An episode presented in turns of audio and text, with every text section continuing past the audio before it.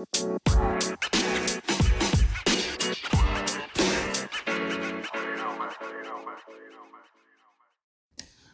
Assalamualaikum. Apa kabar sob? Bisnis aman-aman aja?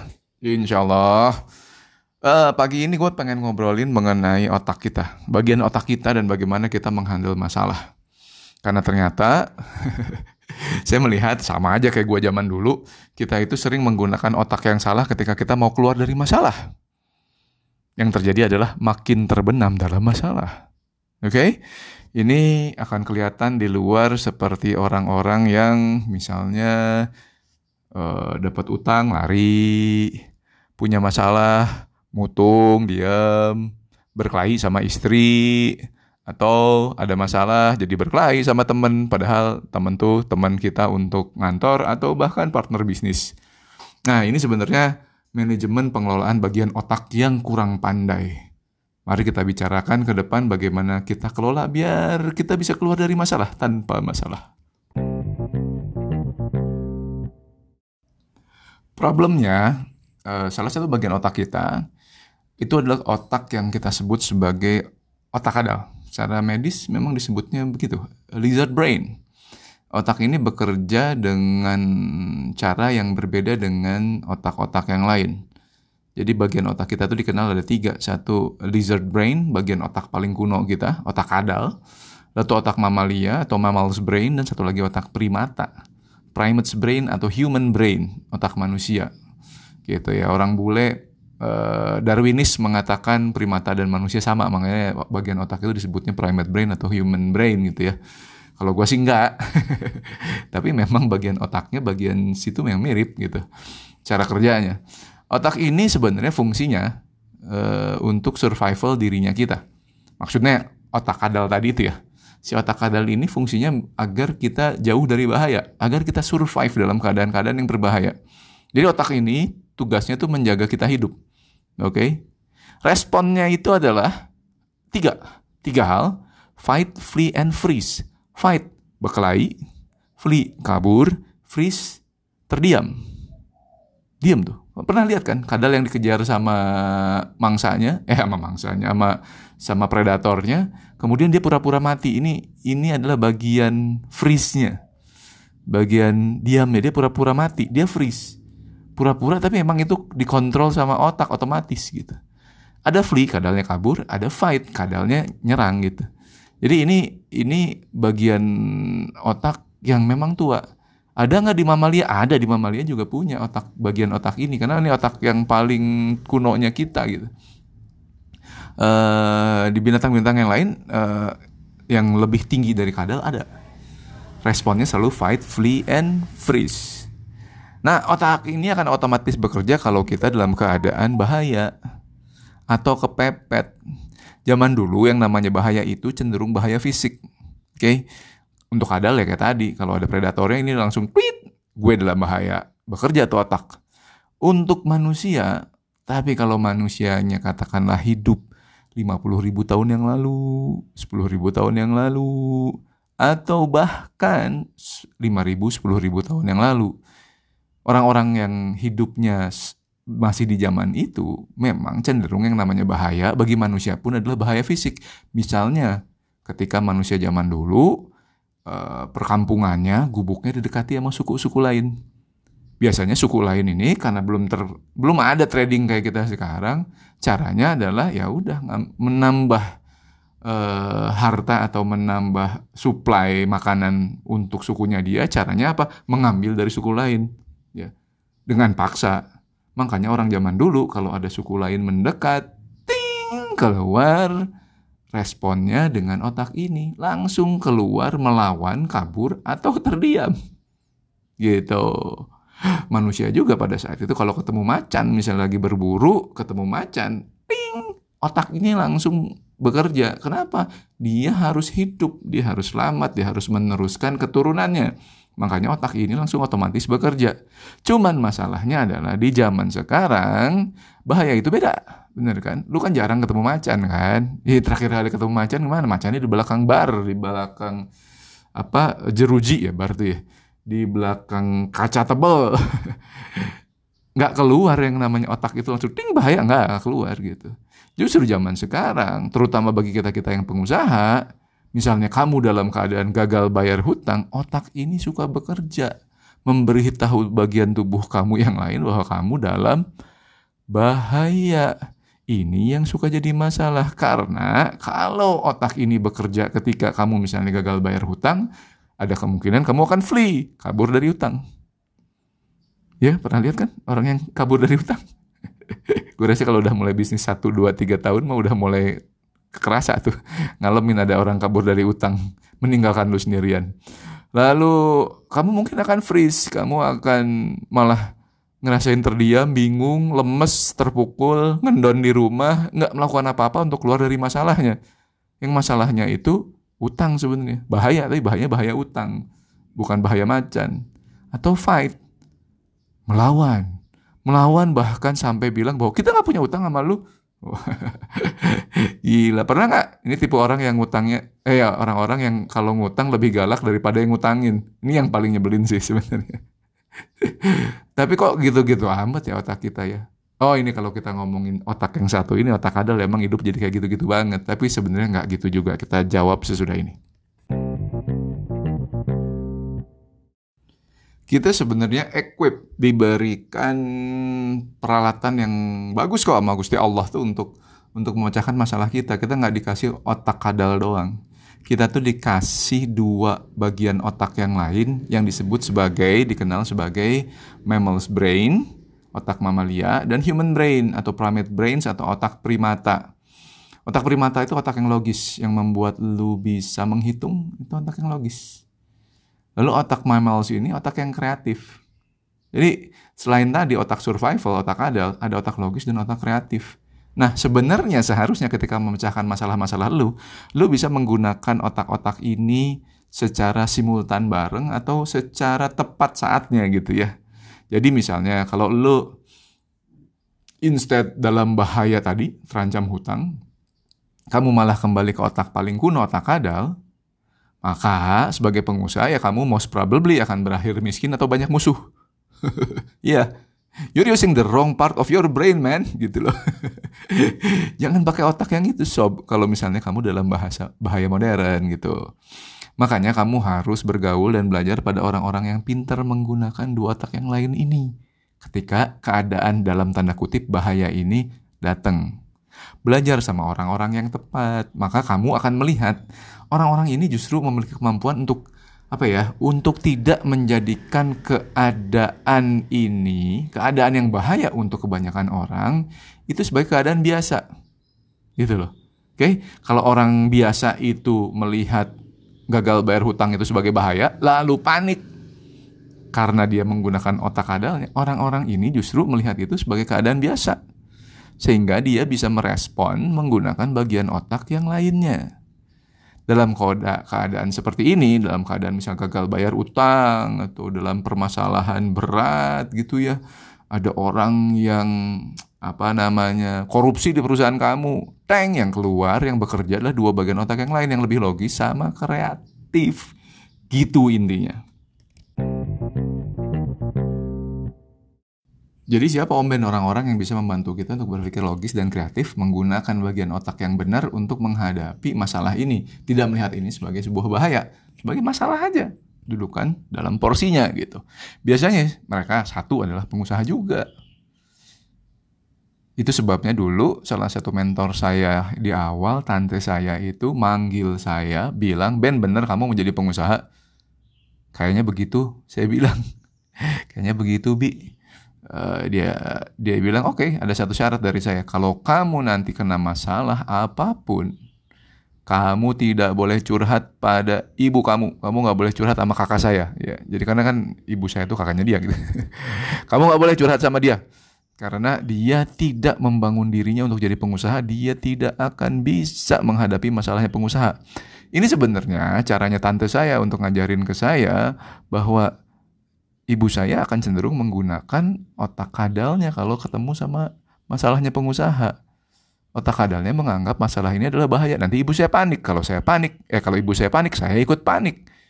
outcome-nya nggak akan bagus kalau sayanya panik. Makanya kamu curhat sama pengusaha lain. Kamu datang ke kantor saya, tante saya bilang begitu, kamu curhat sama saya. Jangan curhat sama ibu kamu. Janji itu ya. Itu saya janji itu. Sampai sekarang saya nggak pernah curhat sama ibu saya. Even saya nggak pernah curhat sama istri saya tentang masalah-masalah besar usaha. Nggak mau. Kenapa? Istri saya tidak dirancang. Tidak mendevelop dirinya untuk berpikir seperti pengusaha melihat ini bukan sebagai bahaya, mungkin sebagai peluang atau sebagai sesuatu pertimbangan natural saja sehingga dia bisa meng, eh kita bisa menggunakan otak yang tadi, bagian otak yang lain yaitu human brain sama mammals brain gitu ya. Wah, di mana caranya? Eh bagaimana caranya Om Ben mencari pengusaha-pengusaha ini? Oh, gimana caranya? Cari, emang susah sih. Karena penduduk Indonesia cuma 3% yang pengusaha. Bisnismennya dikit sekali di Indonesia. So, kalau perlu kamu pindah dari kampung kamu, pindah dari kota kamu, cari di mana kamu bisa bertemu pengusaha. Atau ya, ya sekarang sih ada podcast, ada internet, ya kamu bisa belajar dari, ya podcast kayak gini misalnya, salah satunya gitu. Gimana caranya agar kamu bisa ngomong? Ya podcast ini di antaranya saya buat biar kamu bisa ngobrol sama saya atau saya ngobrol sama kamu. Mau sengaja apa nggak sengaja gitu loh. Ini kan kayak ngobrol ya. Ya saya pengen bantu kamu juga gitu. Selain saya terbantu juga sih kok membuat podcast juga. Kenapa? Ya manusia itu ketika ngomong sebenarnya sama aja kayak apa ya kayak belajar juga gitu loh. Saya seakan-akan dalam posisi ngajarin tapi sebenarnya saya juga banyak belajar dalam membuat podcast ini gitu. Tapi ingat kalau kamu mau bergaul dengan pengusaha, mau di apa pun sih, mau di podcast, mau di mau di apa uh, organisasi usaha gitu ya, yang resmi atau nggak resmi gitu, coba lihat track record dan kredensialnya pengusaha-pengusaha ini karena banyak juga pengusaha yang ngaku pengusaha tapi sebenarnya nipu. Tujuannya ngambil duit kamu itu banyak banget. Bagi kamu yang udah satu, dua, tiga tahun usaha pasti udah pernah ketemu yang kayak gini dan udah pernah dikerjain mungkin. Oke, okay? jadi sama pengusaha lain. That's uh, uh, itu itu adalah uh, salah satu cara untuk bisa merespon masalah kamu dengan dua bagian otak yang lebih benar. Oke, okay? selanjutnya adalah buku. Oke, okay, nggak harus buku sih, boleh podcast kayak gini juga, YouTube channel juga, tapi yang bergizi lah ya. Cari aja beragam podcaster, dengerin aja mereka-mereka ini, dengerin aja semau lu dulu. Tapi nanti lama-lama lu harus bisa membedakan mana yang ngomong karena ingin terkenal, atau mana yang ngomong karena ingin membantu lo gitu. Asli ingin bantu gitu. Orang-orang seperti ini uh, ada dan kamu bisa belajar dari situ gitu. Uh, akan akan kerasa beda juga sih. Akan kerasa beda juga tapi you know this this thing cannot be taught ya. Kamu rasakan sendiri kamu pelajari sendiri gitu.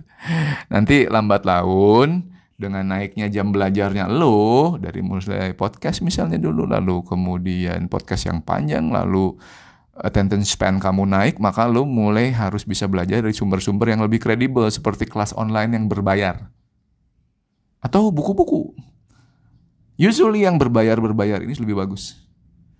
Books will keep you sane loh. Akan membuat kamu uh, apa namanya waras. Bener.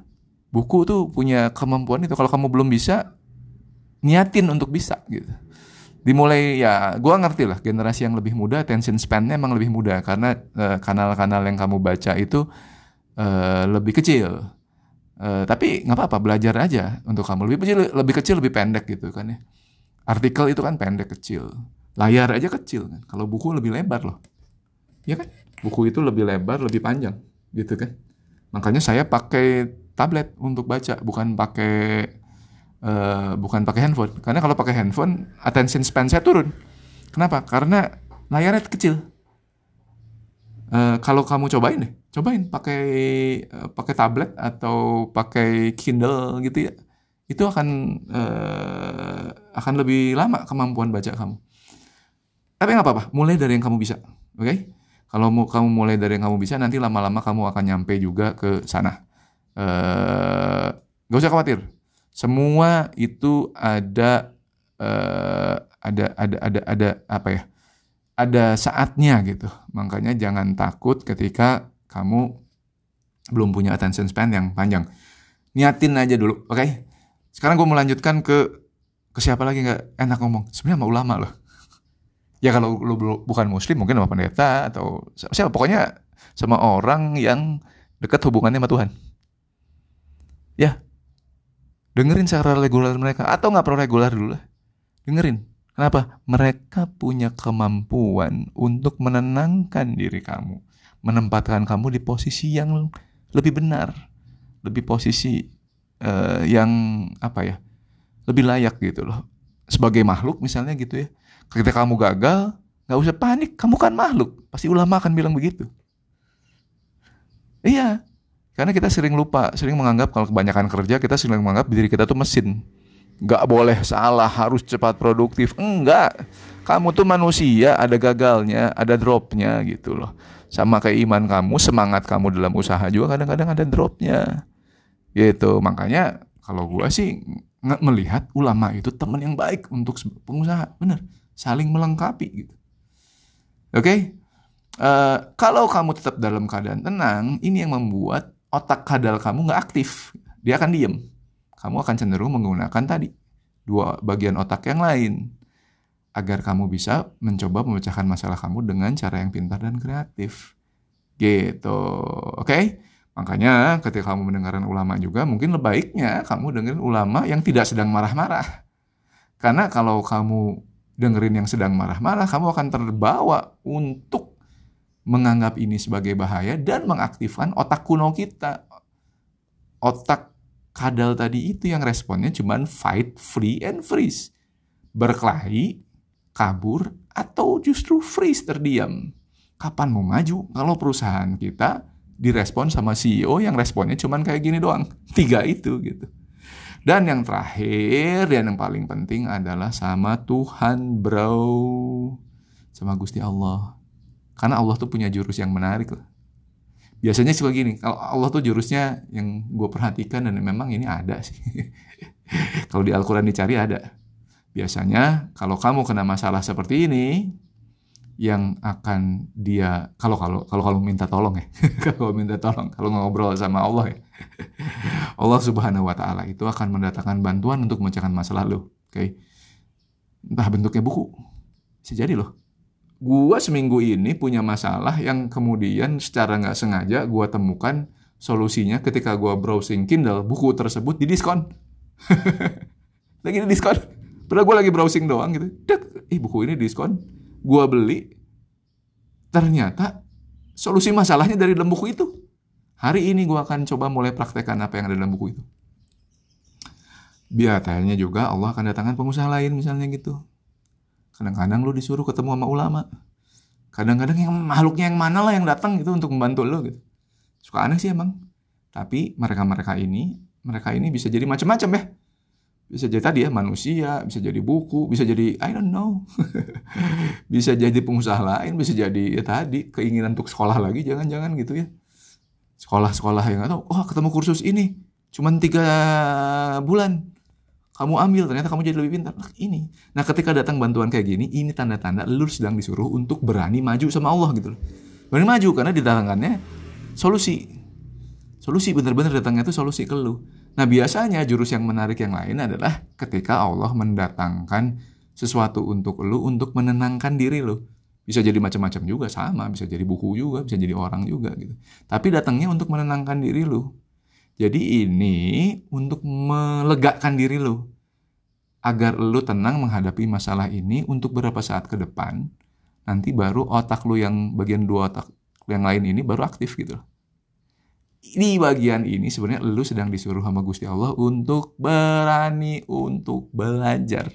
Kalau yang tadi berani untuk maju, ini berani untuk belajar.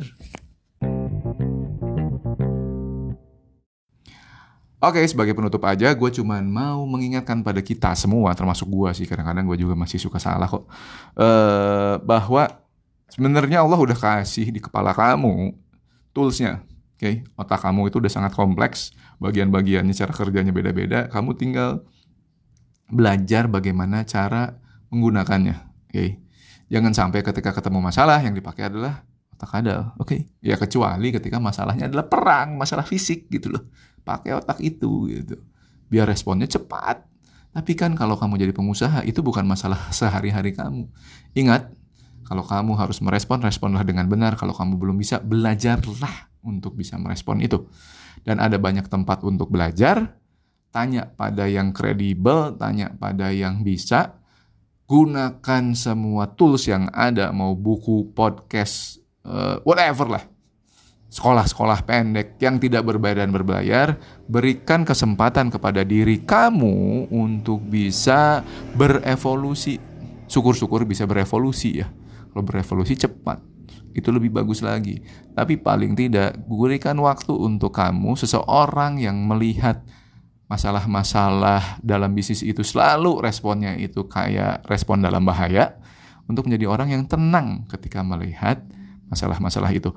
Insya Allah semoga dengan itu kamu bisa sukses. Barakallah. Assalamualaikum warahmatullahi wabarakatuh.